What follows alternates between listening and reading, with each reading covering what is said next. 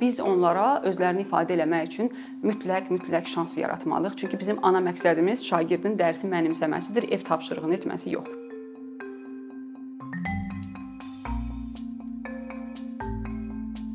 Bu gün mən tədris zamanı sinifdə uşaqların motive edilməsi ilə bağlı danışmaq istəyirəm. Əvvəlcə gəl bunu aydınlaşdıraq. Motivasiya nədir? Motivasiya bizi hərəkət etdirən, bizi irəliyə aparan bir vasitədir. Səbəb və yaxud da səbəblər toplusudur və fransız dilindəki motiv sözündən e, götürülüb. Motivasiyanın iki növü var: e, daxili e, və xarici motivasiya.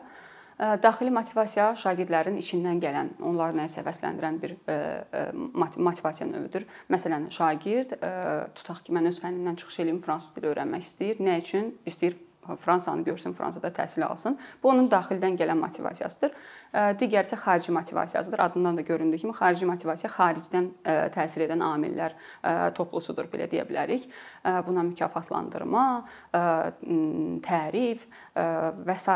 biz daxil edə bilərik. Mən daha çox indi fokuslanacağam xarici motivasiya növlərinə və mən hansı motivasiya növlərindən sinifdə istifadə etmişəm, öz təcrübəmdə yararlanmışam, faydasını görmüşəm, onlarla bölüşəcəyəm. Bütün motivasiya növləri haqqında, motivasiya yolları barədə danışmayacağam. Mənim üçün şagirdlərin motive edilməsinin birinci yolu müəllim və şagird arasında olan bağ.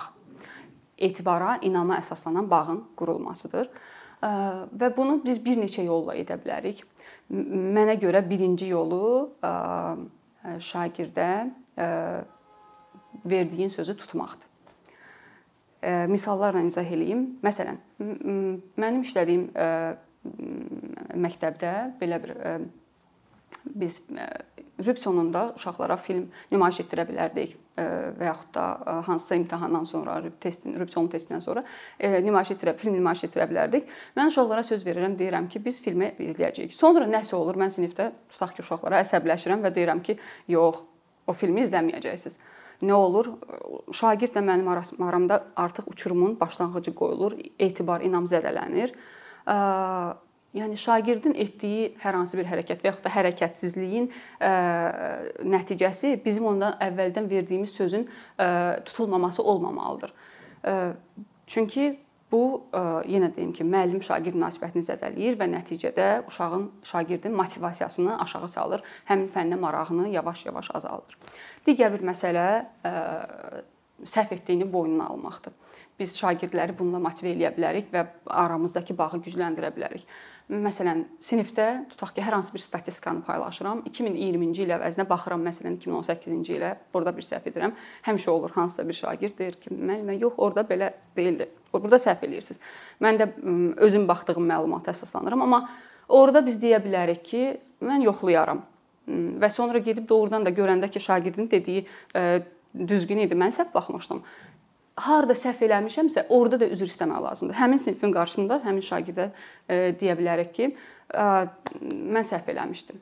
E, sən düz bilmirsən, mən səhv eləmişdim. Bu da şagirdə şagirdə biz bundan həm necə davranmaq lazım olduğunu göstərir, səhvimizi boynuna boynumuza almalı olduğumuzu, həm də şagirdi bu motive edir. Bizdən nümunə götürür, həm də özünə bir şəxsiyyət kimi yanaşıldığını hiss edir və bu da onu dərsə daha həvəsləndirir, ruhlandırır. Elə burdan da çıxış eləyərək davamilə üzr istəmək məsələsidir. Müəllimin şagirddən üzr istəməsi çox normal bir şeydir və yenə də şagirdlərin motivasiyasında çox vacib rol oynayır. Səhv etmişəm və yaxud da şagird nəsə sinifdə dərsi pozub, davranışında nəsə problem var idi. Müəllim peşəsi də stressli peşədir.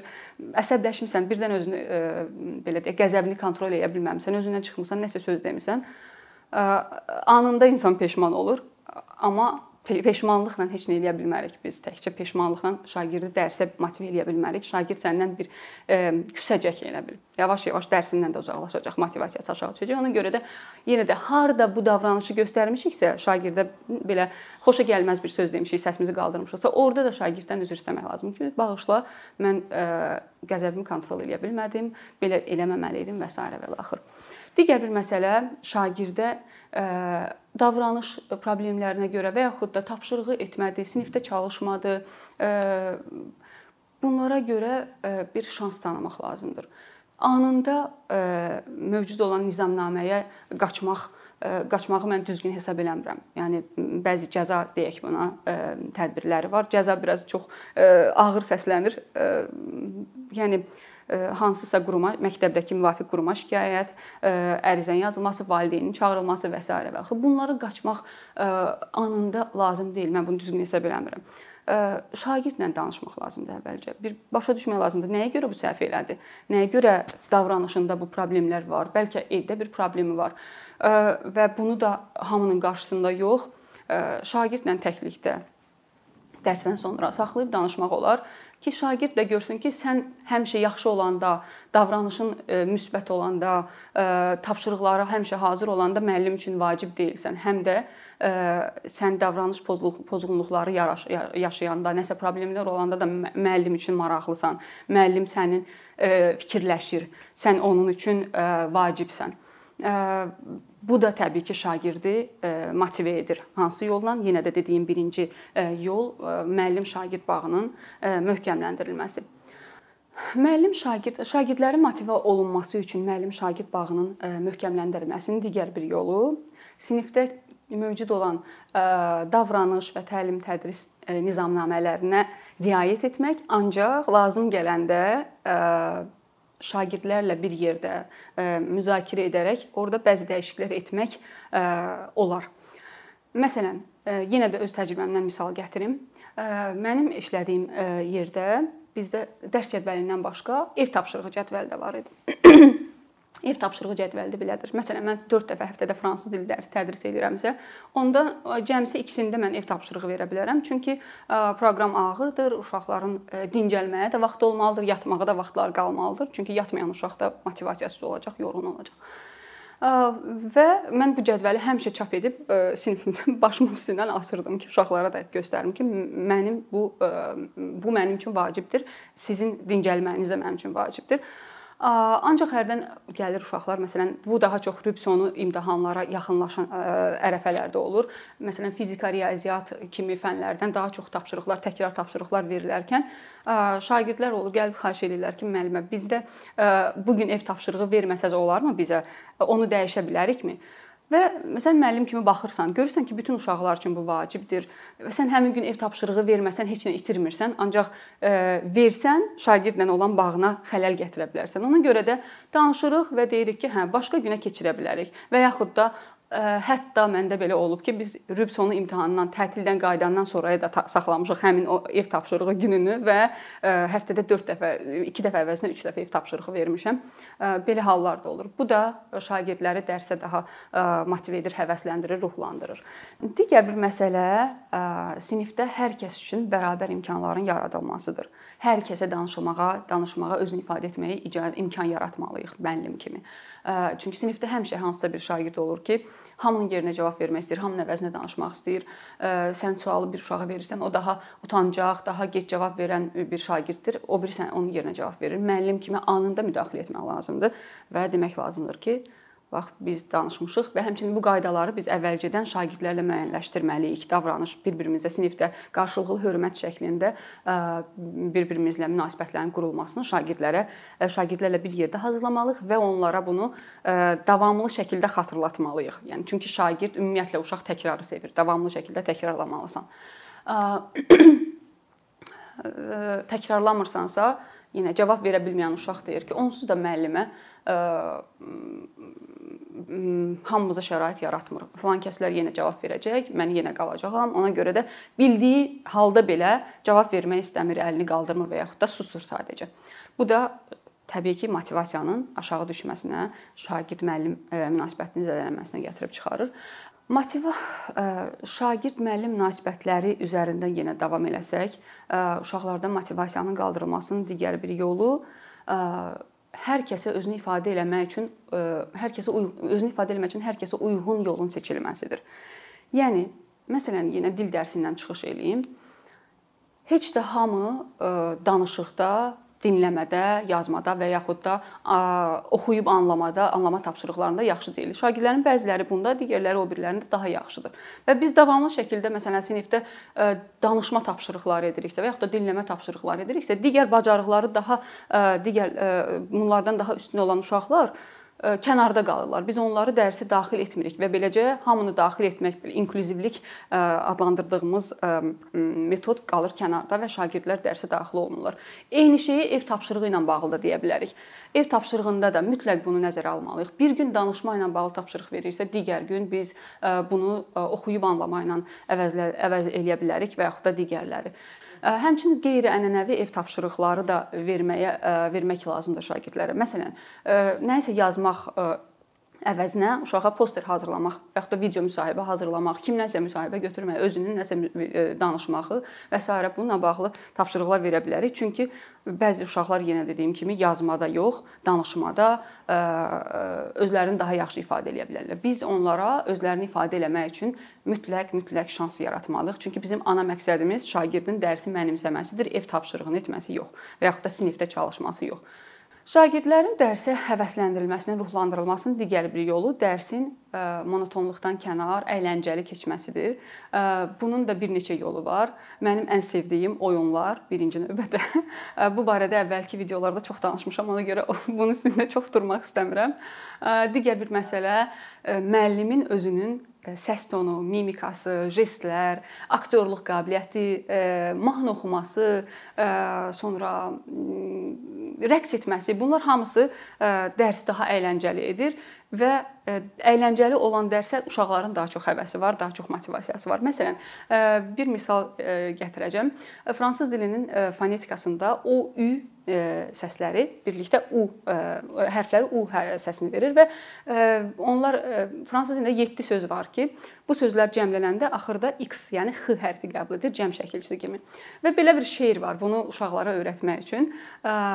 Bu şeirdə deyilir bayquşun dilindən. Bayquş fransız dilində ibu və o ü hərflərindən bitir və cəmdə x qəbul edir. Orda bayquş bir-bir sözləri sayır, sonu o ü hərflərindən bitən və x əlavə olunan cəmdə sözləri sayır və nə qədər fikirləşir ki, 7-ci hansı idi? Ax və şeirin axırında deyir ki, heç ağlına gəlmirdi ki, 7-ci o özü idi. Çünki ibu fransız dilində bayquş deməkdir və o ü ilə bitir və cəmdə x şəkilçisi qəbul edir. Bu şeiri mən belə də oxuya bilərdim şagird ya da deyə bilərdim ki, siz oxuyun. Amma müəllimin onu təqdimatı, məsələn, proyektorda bunu ə, paylaşırsan və bayquşun dilindən, hətta hər ə, hərdən bayquşun o hu hu səsini də çıxarırsan, uşaqlara çox maraqlı olur və ə, yaş həddi də burada bəzən ə, motivasiya eləyəndə biz baxırıq şagirdlərin yaş həddinə uyğun olaraq müxtəlif vasitələrdən istifadə edirik, amma ə, məsələn, şeiri ifadəli təqdim eləmək bütün yaş hədlərində məndə işlədi məsələn. Ona görə də ə, yəni qorxmaq lazım deyil ki, birdən bunu bu yaş həddində eləyərəm, ə, alınmaz. Ə, və yaxud da mahnı ilə bağlı nəsə təqdimat edir. Dərs qrammatikadan tutaq ki, keçmiş zamanı keçirsən və keçmiş zamanı olan fe'llərin verildiyi mahnıdır. Özün də mahnını oxuyursan uşaqlarla bir yerdə, ə, rəqs eləyirsən, ə, onları da rəqs eləməyə ə, cəlb eləyirsən və canlanma yaranır. Bütün gün oturan şagird təbii ki, yorulacaq, dərsə həvəsi olmayacaq, ruhdan düşəcək, motivasiyası olmayacaq. Və yaxud da ibtidai sinifdə başqa bir feilləri öyrənirdik, öyrənirik biz. Pələng kimi tullanmaq, şir kimi nərildəmək, balıq kimi üzmək. Məsələn, şagirdlərə deyirsən ki, balıq kimi üz. Belə durursan, balıq kimi üz təbii ki, uşaq uşağı maraqlı olmayacaq. Bir də var deyirsən, balıq kimi üz, kəpənək kimi uç, ə, hərəkətləri göstərirsən, balıq kimi üz deyəndə uşaqların hamısı yerdə başlayır balıq kimi üzməyə, ilan kimi sürünməyə və s. Yəni bunu öz hərəkətlərində göstərməlisən. Sənə maraqlı olduğunu göstərməlisən ki, şagirdə də maraqlı olsun və dərsə motivasiyalı olsun. Başqa bir məsələ sinifdə texnologiyanın istifadəsidir. Texnologiyanın istifadəsi dediyimdə proyektor, sonra ağıllı lövhələr, dinləmə cihazları və s. bunu nəzərdə tuturam, düzdür. Ancaq heç də hər məktəbdə bunlar yoxdur. Heç də hər məktəbin belə imkanları yoxdur. Məsələn də ucqar dağ kəndlərində biz deyə bilmərik ki, proyektorda mütləq nəsə uşağı göstərin, əyləncəli olsun, motivasiyalı olsun uşaqlar dərsə. O sadəcə bir telefondan da istifadə etmək olar sən evdə hansısa bir videonu yükləyib gəlib uşaqları orada 1-2 dəqiqəlik videoda nümayiş elətdirə bilərsən və yaxud da uşaqları çəkib telefonla hər hansı bir müsahibə də götürə bilərsən onlardan keçdiyin, tədris elədiyin mövzu ilə bağlı. Bu da texnologiyanın ən bəsit şəkildə istifadəsidir. Bunu da eləmək olar. Sonuncu vurğulamaq istədiyim motivasiya yolu mükafatlandırmadır. Mükafatlandırma sözlü, yəni tərif, təltif şəklində və maddi olaraq ola bilər. Hər ikisindən istifadə eləmişəm öz təcrübəmdə. Bunu motivasiya mükafatlandırma ilə motivasiya eləyərkən bəzi şeylərə fikir vermək lazımdır. Bu davamlı şəkildə olmamalıdır. Tərif uşağın yaxşı çalışdığı bir vaxtda sən onu tərifləyə bilərsən. Hə, mütləq eləməlisən bunu. Çünki deyəcək ki, bəs niyə məni görmür? Amma mükafatlandırma əgər maddi mükafatlardırsa, bunlara biz ə, mütləq böyük, bahalı ə, mükafatlar eləməli deyilik. Bax, xırda-xırda şeylər ola bilər. Stiker Məsələn, ibtidai sinifdə bunlar işləyir. Karandaş, sən öz əlinlə düzəltdiyin hansısa bir balaca kitabça ki, bu çox maraqlı gəlir uşaqlara, əsasda balaca az yaşlılara. Və yuxarı yaşlılarda məsələn harasa bir ekskursiya, bu elə balacalarda da işləyir. Və yaxud da qeyri-məktəbli forması günü eləyə bilərik. Ancaq burada da bir məsələyə fikir verməliyik biz uşaqlara nə isə edəcəyimiz mükafat kimi söz veririksə, mütləq əvvəlcədən onu həyata keçirəcəyimizi, keçirə bilib bilməyəcəyimizi e, dəqiqləşdirməliyik. Məsələn, məktəbin müdiriyyəti ilə danışmalıyıq ki, bunu biz edə bilərikmi? Qeyri-məktəbli forması gün eləyə bilərikmi uşaqlar üçün? Çünki söz verirsən, sonra eləyə bilmirsən, sözümüzü tutmuruq. Təbii ki, yenə uşaqlarda bir sənə olan inam zədələnir və motivasiya aşağı düşür. Motivasiya ilə bağlı çox danışa bilərəm, ancaq məncə təcrübəmdə istifadə elədiklərimdən, faydalandıqlarımdan danışmaq yeni başlayan müəllimlərə də daha faydalı olar. Ona görə də məncə bu qədər kifayət edər.